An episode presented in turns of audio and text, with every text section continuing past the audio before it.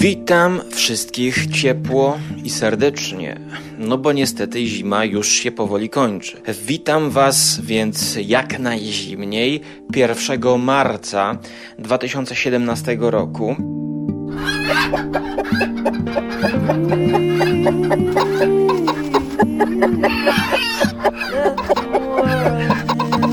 Audycja skóry. Dzisiaj będzie polsko. Nagrywam to w środę, więc od poprzedniego odcinka filmów zimowych e, nie dzieli mnie żaden wyjazd, ale tak to zorganizowałem i tak wymyśliłem, że tuż po powrocie z nart w poniedziałek udałem się do kina na polski film, czego nie robię, no po prostu od dawien dawna nie robię i nie zamierzam robić, ale są pewne wyjątki, które mogą mnie skłonić do jakże, no po prostu ruchów, ach, ryzykownych ruchów względem swojego portfela. Tak, poszedłem na nowy film Agnieszki Holland, Pokot.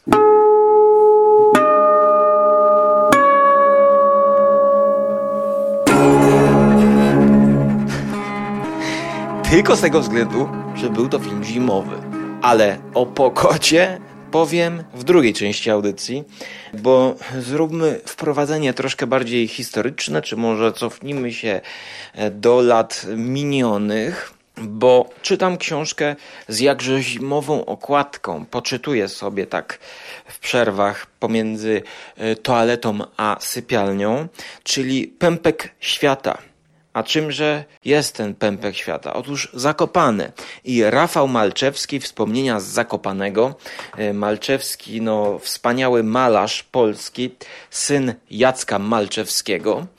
Jest to zbiór takich no, felietonów, raczej właśnie wspominków, gdzie każdy artykuł, każdy rozdział pokazuje nam określone postaci, które on wspomina. Najwięcej mamy tutaj z dwudziestolecia międzywojennego atmosfera takiego prosperity, najwspanialsze lata Zakopanego, choć tutaj e, jest też mowa no, o nartach, to oczywiście, ale też o takich smutniejszych sprawach, na przykład opisuje powódź, jaka była chyba w 36. Jest to fajne, aczkolwiek jakby czytając to, no to mam pewien dysonans, że powinienem robić to w Zakopanym, do którego swego czasu częściej jeździłem i naprawdę byłem tam, miałem wrażenie, co rok. Taki sentyment się od razu uruchamia. Pępek świata. Mm, czy jest tutaj coś dla miłośników filmów zimowych? Okazuje się, że tak. Oprócz tego, jak Malczewski opisuje różnych swoich znajomych, narciarzy, różnego rodzaju wyprawy, dla miłośników grozy i dreszczyku emocji jest tutaj opisana pewna, no, do czego by to przyrównać, jeśli chodzi o dzisiejszą młodzież? Jest opisany pewien zwyczaj, krótko, że ludzie, którzy wychodzili wspinać się w górach, no były to początki no, narciarstwa, tak, wspinaczka, no zapewne zabezpieczenia i technologia wspinania nie była tak rozwinięta jak dzisiaj. Ludzie, którzy zostawali na ziemi, nie wychodzili na górę, to brali lornetki i w pewien sposób kibicowali, oglądając tych ludzi przez lornetki, jak wchodzą. Niektórzy też oglądali ludzi jakby nie swoich przyjaciół, którym tylko wypadało kibicować, ale ludzi, którzy, na, którzy gdzie obstawiali, czy ktoś nie wejdzie i czy ktoś po prostu nie spadnie ze ściany.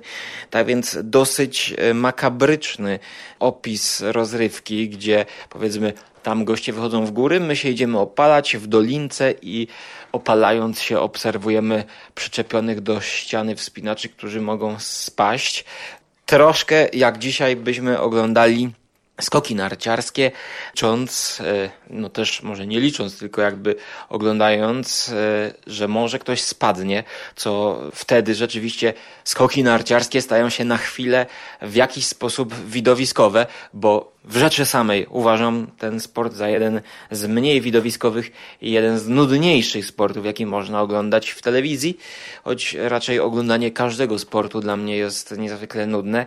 Jednak ostatnio, mm, no, jestem nawet w stanie popatrzeć na te skoki narciarskie, chyba dlatego głównie, że jest to sport zimowy i moja babcia z dziadkiem lubią na to patrzeć, więc od czasu do czasu sobie popatrzę. Ale do czego zmierzam? W moim wywodzie o książce Rafała Malczewskiego Pępek Świata, które wydanie mam w twardej oprawie, gdzie na okładce jest narciarz z kijem.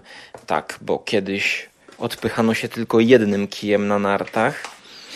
Oj, y, muszę wam tutaj trochę przytoczyć cytatów. Strona 179. Lecimy. Zmierzamy do filmów zimowych.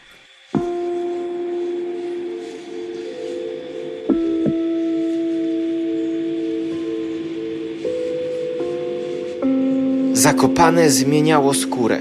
Coraz bardziej stawało się paskudnym miasteczkiem, coraz więcej zjeżdżało się pod giewont śmiecia ludzkiego. Cwaniactwo uderzyło mu do głowy. Jeżeli popłaca każda machloja służąca europeizacji koślawej mieściny, warto się pogłowić, by jakiś kant wymyślić. Zaczynamy żyć pod znakiem tandety. Tatry zaczynają służyć jako tło dla filmów – kręci Biały Ślad Adam Krzeptowski. Słyszycie? Biały Ślad to tytuł filmu. Dokładnie z roku, już to sprawdziłem. Biały Ślad, rok 32.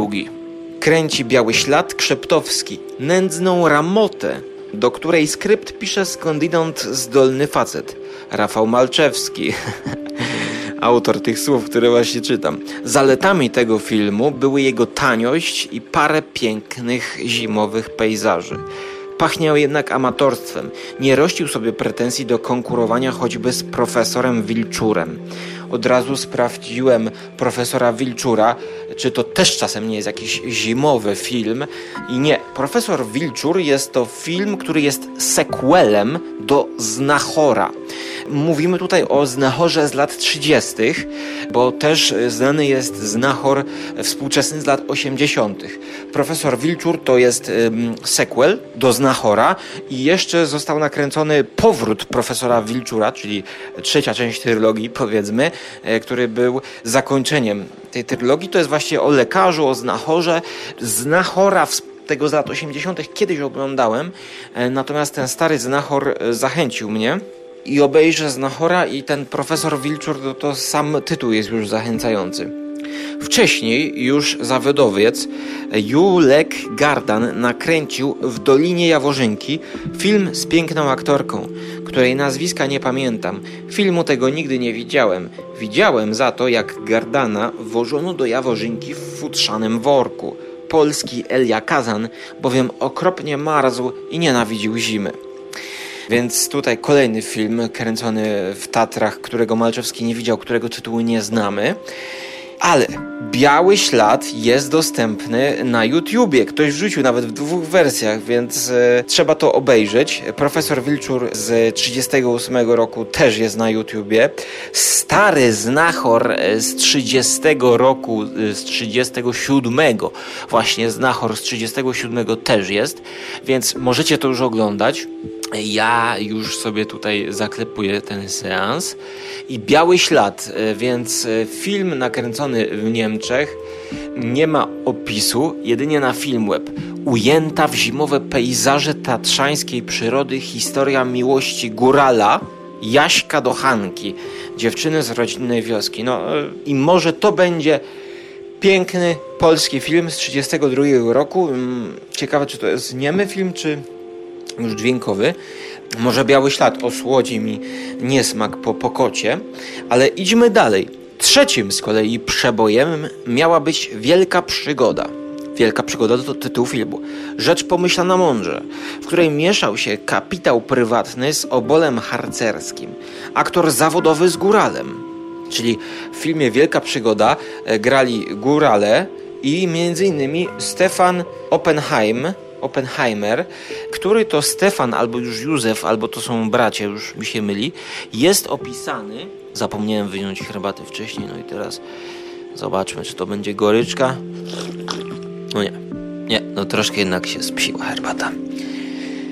Józef Oppenheim, Oppenheimer, tak zwany Opcio, jest też opisywany przez e, Malczewskiego jako gościa, który tam pogotowie taternicze zakładał i jeździł ludzi ratować i po Zakopanym jeździł w swoim Harley'u Davidsonie, takim dwuosobowym, wiecie, że y, jeden jest y, y, motor, a obok jest taka przyczepka sama.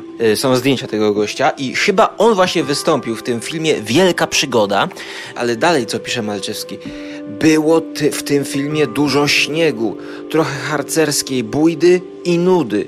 Trzeba jednak przyznać, że spowodował ten film zbliżenie, nawet przyjaźń między Junoszą Stepniowskim a znanym rabusiem z Chochołowa, Jędrkiem Frączystym z przezwiskiem Kuśtyjan. No, nie znamy ich. Ile alkoholu wypiło tych dwóch artystów, tego nikt nie wie ani nie śmie się domyślać. Zadzierzgnęła się między nimi nić porozumienia, którą przerwała dopiero wojna, ta druga wojna, i rozdzieliła ich na zawsze. Jeszcze dalej. Nie przypuszczali Ferdynand Gettel, Gettel, który napisał książkę Tatry, o Tatrach, którą ostatnio czytałem, ale słabiutka. Magicy tej pseudo-przygódki, bo właśnie Gettel tutaj do Wielkiej Przygody napisał scenariusz. Miłośnik gór, też wspinacz, a reżyserował właśnie Leites. Magicy od tej pseudo-przygódki nie przypuszczali, że jeden z gwiazdorów ich filmu, właśnie ów świetny artysta, zostanie za zdradę zabity z wyroku sądu polskiego pod okupacją niemiecką. Ów rabusie, Kuśtyjanem zwany, będzie walczył za ojczyznę do końca wojny. Iluż z wykonawców ich filmu, górali z urodzenia, narciarzy z powołania, poszło szukać naprawdę wielkiej przygody wśród diabelskich spiekot Iraku, Palestyny, Egiptu, Cyrenajki nie wiem co to jest cyrenajka, może wspomnienie kurniaw i śniegów zaznanych podczas nakręcenia wielkiej przygody ochładzało ich, będących już tak daleko od zakopanego, od szmir i pokojowego cwaniactwa. Zanim Zakopane otępiało i poczęło więdnąć jako oaza anarchii i dziwności, stała się rzecz, która wstrząsnęła Polską do głębi. Umarł Piłsudski. No i dalej już y, tutaj nas nie interesuje zacząłem szukać tej wielkiej przygody.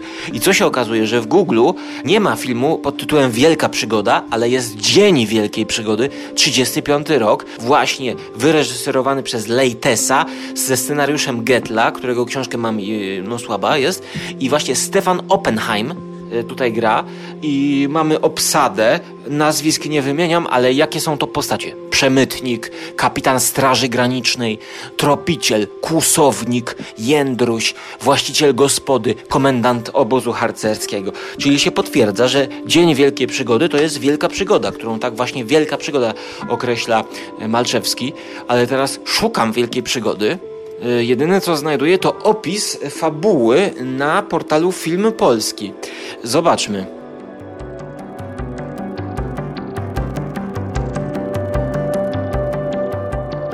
Tatry, tajemniczy świat wielkiej przygody, porywający wyobraźnię młodzieży przebywającej tu na zimowych obozowiskach, ale i teren kłusowniczy, dający schronienie bandom przemytniczym. O, kłusownicy, już zbliżamy się do Agnieszki Holland i Pokotu. Tropiciel, jeden z harcerskiej trójki, napotyka kłusownika mocarnego, który postrzelił sarnę i usiłuje ją dobić nożem. Wzburzony chłopiec staje w obronie zwierzęcia i alarmuje przyjaciół. W starciu, które następuje, mocarny strzela do tropiciera i ucieka. Dramatyczny pościg wiedzie do karczmy, gdzie zbierają się przemytnicy, wykorzystujący kłusownika dla swych zbrodniczych celów. Tu jednak młody harcerzyk, Sokolik, cóż za wspaniała ksywka, wywołał scysję z bandą, ujmując się za Jędrkiem, synkiem mocarnego.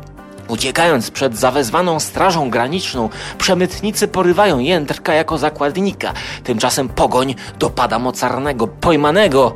Przecinek. Harcerze prowadzą do obozu. Nie przekazują go jednak władzą, bo ujawniają się smutne i wstrząsające szczegóły jego życia. Konflikcie między sumieniem a prawem młodość wybrała głość serca. I teraz taki tagline powinien być. W opustoszałej wilczej gospodzie rozgrywa się ostatni akt dramatu, w którym żywioł młodości poszedł na spotkanie wielkiej przygodzie aby zwyciężyła prawda życia zawarta w śmiałych porywach zdrowych dusz. No, chciałbym to obejrzeć, myślę sobie, ale okazuje się, że linki z Wikipedii prowadzą do Filmoteki Narodowej.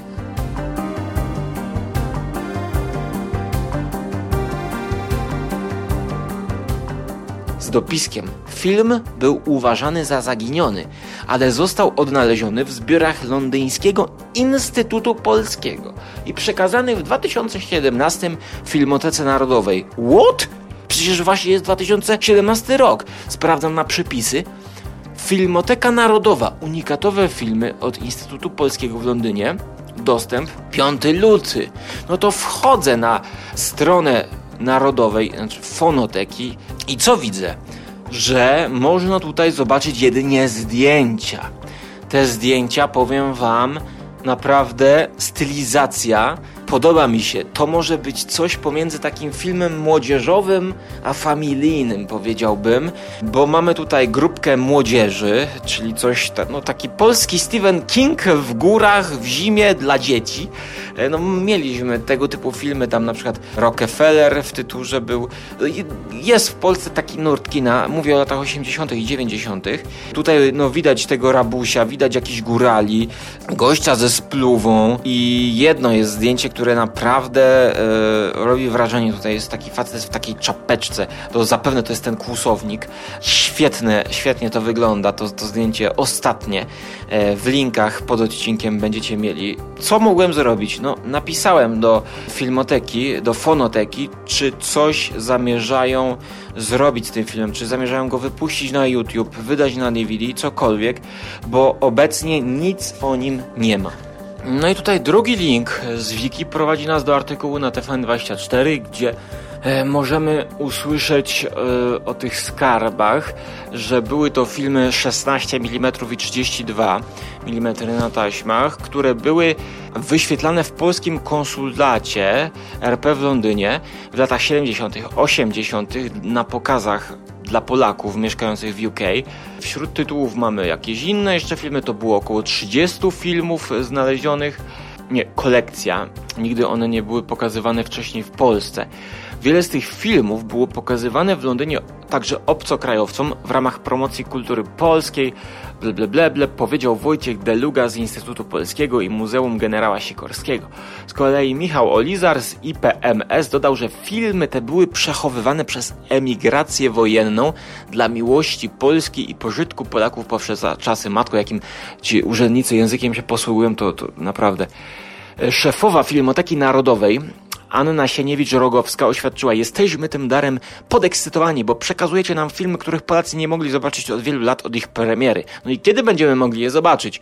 Zapewniła, że technicy filmoteki podejmą teraz starania, aby przeprowadzić działania restauracyjne oraz digitalizacyjne i jak najszybciej pokazać nowe nabytki widzom. E, czyli podejrzewam za 2-3 lata ujrzymy to na DVD. It's true, it's true. Obawiam się tego właśnie. Obawiam się, że będziemy na to czekać w szmat czasu. Ech, dobra. Najważniejsze, że odkryty jest film zimowy, czyli Białe Szaleństwo. Nie, nie Białe Szaleństwo, tylko Biały Ślad, który, no, zobaczymy. W tym sezonie chyba nie powstrzymam się, żeby jeszcze nie obejrzeć. Co do Stefana Oppenheima, który grał w Wielkiej Przygodzie, to e, sprawdziłem, chodzi o Józefa Oppenheima. Znaczy, Józef nie grał, grał Stefan, może to jest jakieś pokrewieństwo i to Józef Oppenheim był tym przewodnikiem, czy szefem tego organizacji, która ratowała w Tatrach ludzi. Jeździł na tym motorku. I o nim można przeczytać u Malczewskiego, a także w książce Magia Nart, którą powolutku czytam, będzie w innym odcinku. E, na razie kończymy temat książek i płynnie przechodzimy właśnie dzięki wielkiej przygodzie do małej przygody, która jest Agnieszki Holland, która też porusza temat kłusownictwa, sarenek, i innych tego typu rzeczy, a tym po krótkiej przerwie. Przyszłam zgłosić morderstwo. Co to jest do cholery? Co pani robi?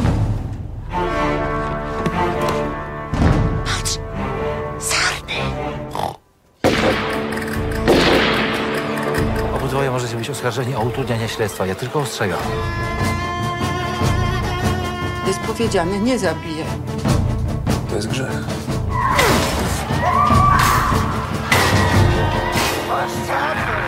Film Pokot Agnieszki Holland zainteresował mnie swoim trailerem, w którym było widać dużo przyrody i scen zimowych. No dobrze.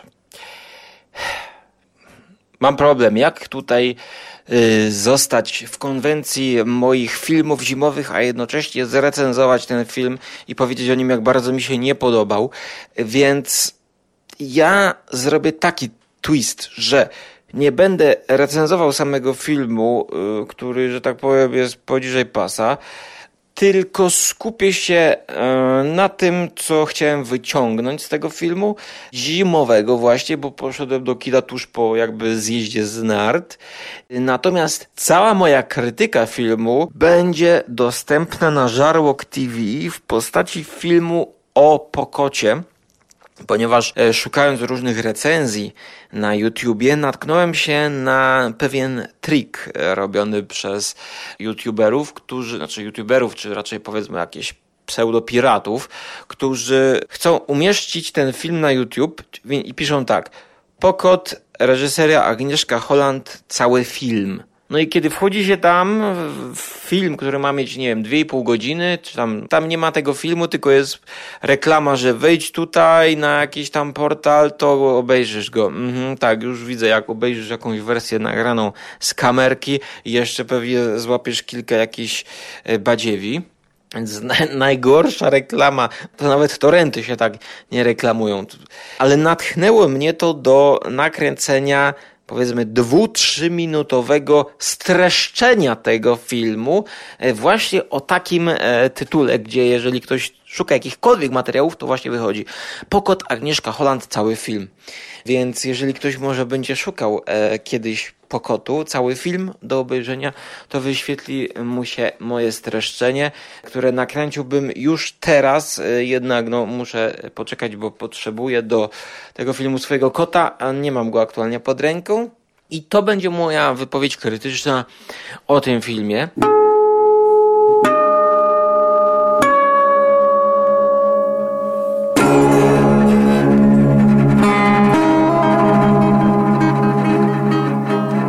Kobieta mieszkająca na wsi, właściwie w lesie, e, czyli Kotlina Kłodzka, tam to było kręcone, jest e, miłośniczką zwierząt, przyrody, mm, astrologii, taką postacią trochę fiśniętą powiedzmy na tym punkcie. Zaczyna się to podczas jesieni. Więc klimat jest pierwsze 20 minut wkraczamy do zimy. Widzimy, że ona jest emerytowaną nauczycielką języka angielskiego i zaczyna się od tego, że jej ktoś y, gubi psy. No właśnie, ona podejrzewała, że ktoś jej zastrzelił psy, ale pewnego dnia wraca ze szkoły i nie ma jej psów. No i zaczyna ich szukać i, że tak powiem, nie znajduje. Motyw się urywa.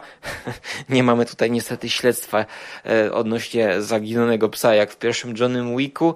Idziemy dalej. Następuje zima.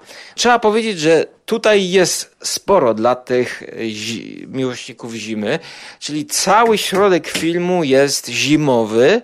No niestety troszkę mnie to rozczarowało, jak w trzecim akcie weszło już całkowite lato, bo jest cięcie i przenosimy się bodajże z lutego aż do czerwca, więc widać, że to było kręcone jakby no w trzech osobnych porach roku. No najlepsze były te ujęcia zimowe dla mnie, a film sam w sobie jest długi, bo trwa y, godzinę 40 albo nawet y, 2 godziny 8 minut. Masakra. Ci ludzie nie potrafią się streścić. Na podstawie Olgi Tokarczuk. Co tu jest fajnego dla miłośników zimy? Kilka ujęć jest ciekawych. Wiecie, jeepy, las. W ogóle też trochę ten film jest taki wakacyjny. Pierwsze wędrówki w lesie. Jako thriller się nie sprawdza zupełnie, w ogóle jako film dobry się nie sprawdza. No, jakoś to się da obejrzeć. Moja ocena to było tak 4, no może 5 na 10, choć to jest komiczny, grafomański, okropny.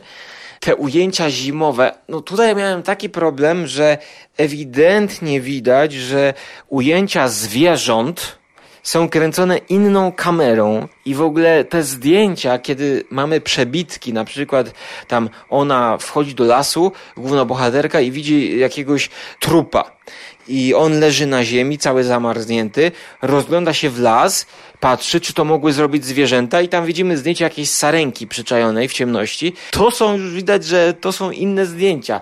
To jest na zasadzie tej, co montaż, na zasadzie Teraz mi się przypomniało Animal Attack, co tak Szymas y, krytykował w Czambu. Zresztą co do montażu i ja i on się zgodziliśmy, że był tragiczny, czyli to było Frogs, żaby, e, gdzie właśnie na zasadzie przeciwujęcia żaby montowano, to tutaj na zasadzie przeciwujęcia montuje się dziki patrzące, jelenie, sarny, które patrzą tak z ukrycia na miejsca zbrodni czasami na przykład.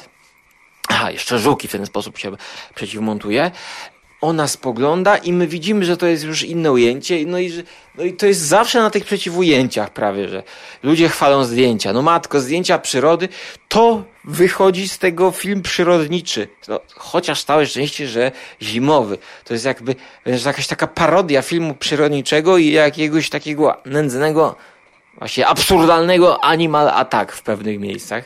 Takie miałem skojarzenia muszę przyznać, że mamy tutaj parę fajnych ujęć zimy, jakaś taka panorama, wiecie.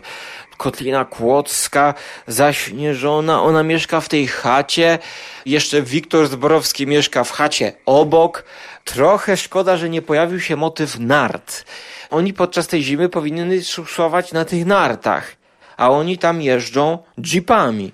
To już nawet oglądałem taki no, słaby film, właściwie jestem w połowie, Ostatni Król norweski, który się dzieje chyba w XII wieku, no to tam już, że tak powiem, wiedzieli, że no na nartach raczej się człowiek porusza w takich terenach, no tutaj jeżdżą jeepami, no ale dobra, już miesza z tym pewnie nie chciano męczyć aktorki starszej, żeby wsiadała na narty, na biegówki. Rzadko jest e, film zimowy do obejrzenia w kinie, polski do tego. No ostatnio był e, bardzo słaby na granicy. Teraz jest, właśnie nie wiem, który film jest słabszy, tak się zastanawiałbym. I chyba Pokot jest gorszy, bo jednak na granicy no nie śmiałem się tak w głos jak na Pokocie. No podczas oglądania Pokotu to, to się właściwie oglądało dobrze, bo ja byłem uradowany. Ja się śmiałem w pewnych momentach, e, choć no trzeba też odwrócić, że pewne elementy komediowe też tutaj jakby miały być, ale ja się śmiałem no, nie w tych momentach, w których reżyserka by tego chciała.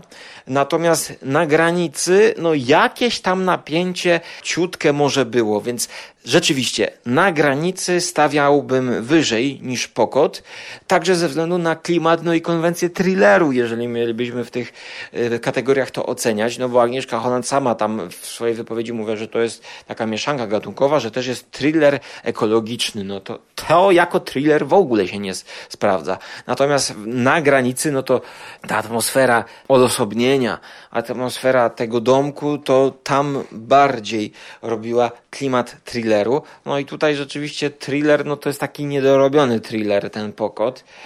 Więc jako ciekawostka można to obejrzeć, zobaczyć. Jest tutaj też wyczuwalny taki troszkę może, choć to jest, to jest że tak powiem, moja e, interpretacyjna taryfa ulgowa dla tego filmu, taki realizm magiczny, no że może gdyby to nakręcił Kolski kiedyś, to może by to rzeczywiście było takim realizmem magicznym. Jeszcze biorąc pod uwagę e, postmodernistyczną Olgę Tokarczuk. Ale to jest, to, to, to jest beznadziejny film. Ale przynajmniej momentami śmieszny. I trzeba przyznać, że ta kotlina kłodzka, bo tutaj się ludzie zachwycają nad zdjęciami. No ładne zdjęcia, to, to, to nie są dobre zdjęcia, bo co to znaczy, że są ładne zdjęcia w filmie? No, o, ładne widoczki są, tak. No, no ładne są widoczki Ale zdjęcia, pytanie, jak zdjęcia pasują do opowiadanej historii, jak to jest wszystko ze sobą, jak to się zazębia, czy język filmowy jest dobrany. No według mnie tutaj jest, jest styl zerowy. No na początku mamy zdjęcia, jesień, myśliwy jadą tymi jeepami na takie wzgórze. Kamera leci z dronu, tutaj leci wzdłuż tego jeepka, potem wyjeżdża, pokazuje całe takie wzgórze. Zlatują się myśliwi, żeby polować. No, no i co? No jest efekciarska scena, no i co? No i widzimy panoramę z góry, no i co? I tam będą tak mordować, tak? Efekciarska scena, jakbyśmy tutaj zaraz robili jakiś pościg pomiędzy FBI a KGB. I co? No i pokazano nam pięć jeepków ustawionych w kółeczko. Po to była ta scena. E, tak więc, jeśli chodzi o ładne zdjęcia, no to ja nie chwaliłbym tutaj samych zdjęć jako takich, ale raczej dobór scenografii, znaczy lokacji. Ta Kotlina Kłodzka, te uliczki, pewne te miasteczko, to bym wymienił na największy plus, czyli nie same zdjęcia, jak to jest pokazane, ale samo to miejsce, sama ta przyroda jest, nadaje jakiś ton temu filmowi, nadaje jakikolwiek klimat, cokolwiek tam jest, nawet to, to miasteczko współcześnie, które jest tam pokazane, no to te miejsca, które zdecydowano się pokazać, te lokacje właśnie, one są, że tak powiem, przyjemne dla oka i robią jakiś taki klimat małego miasteczka, gdzie e, no coś, jakiś nie thriller może się wydarzyć. Więc naprawdę powstrzymywałem się tutaj mocno przed merytoryczną krytyką tego filmu, bo nie chcę w to wchodzić. Zastanawiałem się, czy nie nagrać o tym osobnej audycji, jakiejś dyskusji, ale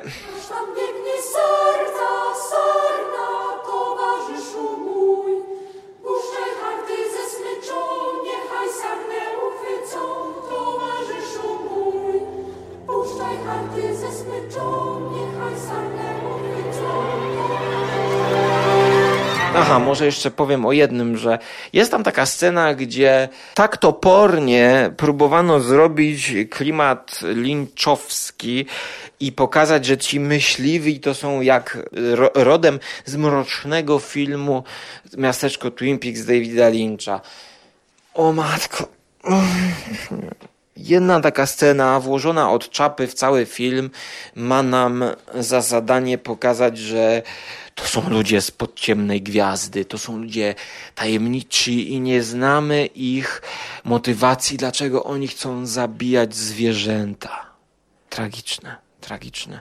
I jeszcze najgorsze jest to, że część krytyków podaje jako inspirację, że to jest linczowsko pokazane małe miasteczko wiejskie. Ja proszę was, mocium panie, znajcie proporcje. Tyle ode mnie na dzisiaj w filmach zimowych. Mam nadzieję, że zobaczymy się jeszcze na stoku. No i co? Do usłyszenia bądź zobaczenia w przyszłości. Cześć.